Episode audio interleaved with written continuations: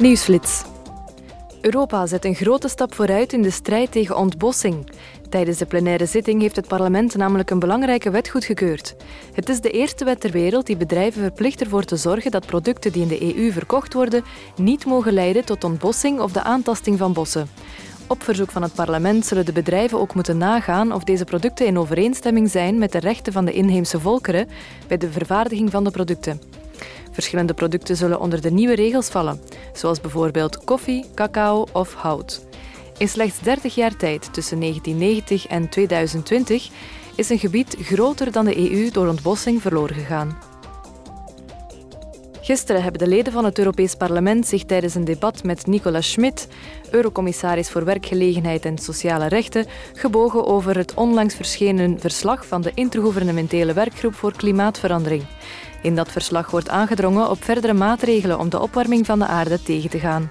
The EU has taken decisive action. De EU heeft beslissende maatregelen genomen om haar doelstelling om de netto-uitstoot tegen 2030 met ten minste 55% te verminderen, te verwezenlijken en verder te gaan op weg naar klimaatneutraliteit in de EU tegen 2050.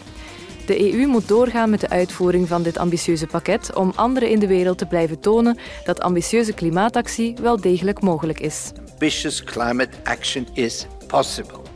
Eurocommissaris Schmid herhaalde dat de maatregelen die de EU zal nemen voor de komende generaties eeuwenlange gevolgen zullen hebben. In de resolutie die in Straatsburg werd aangenomen, hebben de parlementsleden opnieuw hun inzet bevestigd voor het EU-lidmaatschap van Moldavië.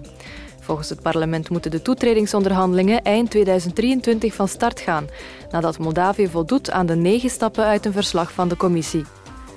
Wat betreft pogingen om Moldavië te destabiliseren, roepen de parlementsleden de EU en haar lidstaten op om de betrokkenen onmiddellijk te bestraffen.